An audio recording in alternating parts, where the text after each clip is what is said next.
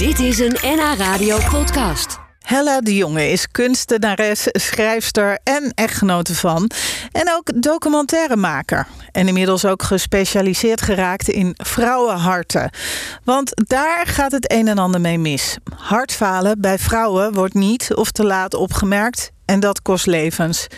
Ik sprak Hella over haar film Slag om het vrouwenhart. Daarin gaat ze op zoek naar antwoorden nadat ze zelf aan de lijve ondervond waar het misgaat. Want een aantal jaar geleden kreeg ze zelf last van haar hart. Ja, ik ben echt overal geweest. En overal werd er toch eigenlijk. Ja, ik, ik weet niet of het niet serieus genomen is, maar. De diagnose is dus blijkbaar moeilijk te stellen. Daar zijn ze in ieder geval wel achter hoor. Dat Ja. ze dus nu zo langzamerhand weten dat bij een vrouw een dia- diagnose stellen ingewikkeld is. Ja, want nog even voor de mensen die dat niet weten, wat is het verschil? Tussen het vrouwenhart en het mannenhart. Nou ja, van, de, van het moment dat je symptomen krijgt. Want bij mannen zijn daar van die regels voor. Of eigenlijk voor een hartinfarct zijn regels. Van daar kun je het aan zien. Maar bij vrouwen zijn die regels anders. Nou ja, vrouwen krijgen gewoon, eh, die hebben niet de, de standaard eh, klachten. Nee. Dus dat is, dat is één. Maar waar ik me ook vooral eigenlijk eh, ook wel op dit moment, want we zijn, ik ben al een stapje verder, Mhm. heel erg ja, toch wel druk om maak. Is behalve dan dat de klachten dus niet serieus genomen worden. En dat, het dus, eh, dat de diagnoses niet goed gesteld worden, is toch ook daarna de volgende stap. Krijg je een hartinfarct, dan, eh, dan word je gewoon standaard gemediceerd op het niveau van een man. En eh, ja, dat, dat, dat geeft heel veel bijwerkingen waar vrouwen dus heel langdurig in hun stoel geplakt worden. Terwijl dat anders kan. Ja. En dat is nog steeds niet veranderd. Maar even voor de duidelijkheid bij het begin. Bij een eh, man is het pijn in de linkerarm. eh, eh, de- ja, er zijn een aantal dingen die je vast kunt stellen. En bij vrouwen kan het eigenlijk alle kanten op je. Want, Ja, nou, want bij jij belandde bij een reumatoloog uiteindelijk zelfs. Ja, bij mij was het dus inderdaad heel veel pijn in mijn rug. Ja. En ja, eigenlijk pijn voor mijn hele lijf.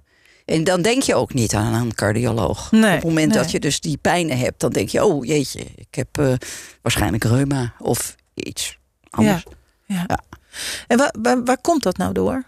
Zit een vrouw zo anders in elkaar dan een Ja, man? de- de- maar dat zijn dus de antwoorden die je gaat krijgen bij dat spreekuur. Dit zijn ook de vragen die ik... Ik moet gewoon daar mijn vragen stellen eigenlijk, hè? Maar dit zijn vragen die ik niet hoef te beantwoorden, want Nee, ik ben de patiënt. Ja, precies. Of tenminste, ik ben, niet, ik ben de ervaringsdeskundige.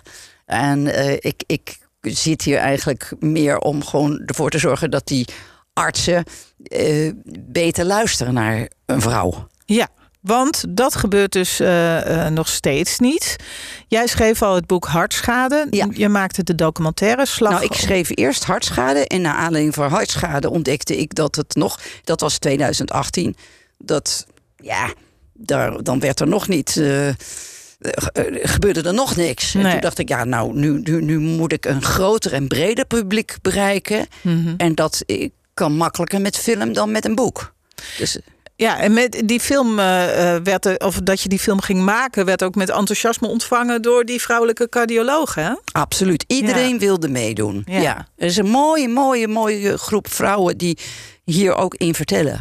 Ja. Wat, wat is jouw doel nu van deze film? Mijn doel is dat er echt een verandering gaat komen. Dat een van de grote belangrijke punten is dat het protocol gaat veranderen. Dat een vrouw niet als ze wakker wordt na een operatie of na een hartinfarct. eh, Ik volgens mij vijf of zeven pillen in de hand gedouwd krijgt. en- dat er gezegd wordt: doe daar de rest van je leven maar mee. Want je wordt ook bang gemaakt. Want er wordt ook gezegd: als je dat niet doet, dan ga je dood. Maar je wordt dus echt. Je gaat bijna dood alleen al van de bijwerkingen. Dus mijn, mijn grote drive is om in ieder geval al dat te halveren. En dat hebben de cardiologen vrouwen in ieder geval al bewezen en gezegd van dat kan. En ik ben zelf Ja. een stukje bewijs, want ik slik nog één pil. Ja, ja ik las het eh, in jouw boek dat jij inderdaad eh, in het ziekenhuis lag en eigenlijk gewoon een stapel medicijnen kreeg. Eh, Is dat dan standaard Ja. de stapel die mannen krijgen? Ja, het is gewoon gelijk. En die dat is nog steeds. natuurlijk ook en aan er is niets veranderd. En dat speel- spreek 2016, we weten het. En het is nu 2021, er is COVID geweest ook nog. Er is niets veranderd. Nou, ik- nou zei je net al dat jij daar niet het antwoord op eh, degene bent om daar antwoord op te geven. Maar ik probeer te begrijpen wat dan het verschil is. Want in principe proberen we er toch naar te gaan dat mannen en vrouwen heel veel als hetzelfde worden gezien. Maar hier moet dus duidelijk een onderscheid gemaakt ja, worden. en alle dingen moeten eh, onderscheid gemaakt worden. Eh, eh, Aletta Jacobs, we, zitten in de Aletta Jacobslaan. eh, Ja. Die heeft het al gezegd dat het lichaam van de vrouw gewoon eh, eh, volkomen verschilt. Kleine kinderen krijgen gewoon heel mooi aangepaste medicijnen aan het gewicht. Ja. Als je dus alleen al bekijkt dat ik scheel met mijn man 30 kilo. Ja. Nou, ik krijg dus de hoeveelheid pillen die mijn man van, eh, van hoeveel kilo, 83 kilo makkelijk kan ver- verdragen. Ja. Ja. maar die kan ik niet verdragen, want ik ben 30 kilo minder. ja. Dus je moet meer op gewicht gaan werken en op, ja, dat, dat, dat, dat zal ontzettend veel schelen. Maar hoe kan het nou toch dat die verandering zo langzaam gaat? Weet jij het? Ik Nee. eh, begrijp het ook niet. Is dat omdat alle bazen nu nog een beetje in een mannelijke hoek zitten? Of eh, dat ze naar elkaar kijken? Dacht het wel. Ja, en ik vind het ook wel heel erg hoor, moet ik je zeggen. Ja. dat wij gewoon als vrouwen dat niet voor elkaar krijgen. Dat, dat, dat- ik wil niet zeggen dat ik er somber van word. Maar ik word er ook niet vrolijk van. En als je nu even, dan even schakelt naar de corona. Waarin je dus gewoon ziet dat mannen op het IC komen. Dat is allemaal nu statistisch eh, is dat vastgesteld. Vrouwen mildere klachten krijgen. Maar veel langduriger daarvan last van hebben. Waarom wordt er dan niet op dat moment gedacht van... hé, hey, het klopt. Ja. Laten we gewoon anders kijken naar mannen en vrouwen. Laten we ze minder pillen geven. Helle, we hadden het al eventjes eh, over de film waarin vrouwelijke cardiologen eh, het woord voeren. Maar er zit ook een mannelijke cardioloog in die eigenlijk aangeeft dat hij al die aandacht voor de harten van vrouwen een beetje feministisch en ook dwingend vindt. Wat, eh, ik kan me voorstellen dat je daar ook nog op aan het herkauwen bent op zo'n Nou ja, verhaal. dat is natuurlijk schokkend. Ja? En, en, en daar gaat het dan ook eigenlijk voornamelijk om. Het is dus niet alleen het vrouwenhart, maar het is dus gewoon veel breder. Mhm. En dan ga je gewoon afvragen, wat is feminisme? En ik eh, probeer eigenlijk daar heel veel over na te denken. In wanneer ik daar nu ook weer heel verdrietig. En ook misschien zelfs wel heel kwaad en boos over werd. Dat was dus wat er nu in Afghanistan gebeurt. Hè, dat jonge vrouwen, die mogen, en meisjes mogen helemaal niet meer naar school. nee. Dat wordt gedaan door de mannen. En dan zie je zo'n schoolklasje met jongetjes zitten. En die jongetjes die gaan dus gewoon wel naar school. En dan denk ik, ja, wat zou er nou gebeuren als die meisjes mogen niet meer naar school? Wat zou er gebeuren als de jongetjes zeggen, ja, maar als mijn, mijn vriendinnetje niet naar school gaat, wij gaan ook niet meer naar school. Ze kunnen niet overal de koppel afhakken. Nee. Er moet gewoon vanuit de mannen gewoon het moment komen dat we gewoon die mannen moeten zeggen, nu gaan we ervoor zorgen dat het protocol gaat veranderen. Dat we gaan zorgen dat de vrouwen gewoon de helft van de pillen gaan krijgen. En dat, dat moeten die mannen doen. Maar het rare vind ik altijd in zo'n geval, die mannen hebben ook dochters, vrouwen en moeders. Ja, Dus die zouden dat toch ook belangrijk moeten vinden dat er betere zorg is voor de vrouwen uit hun omgeving.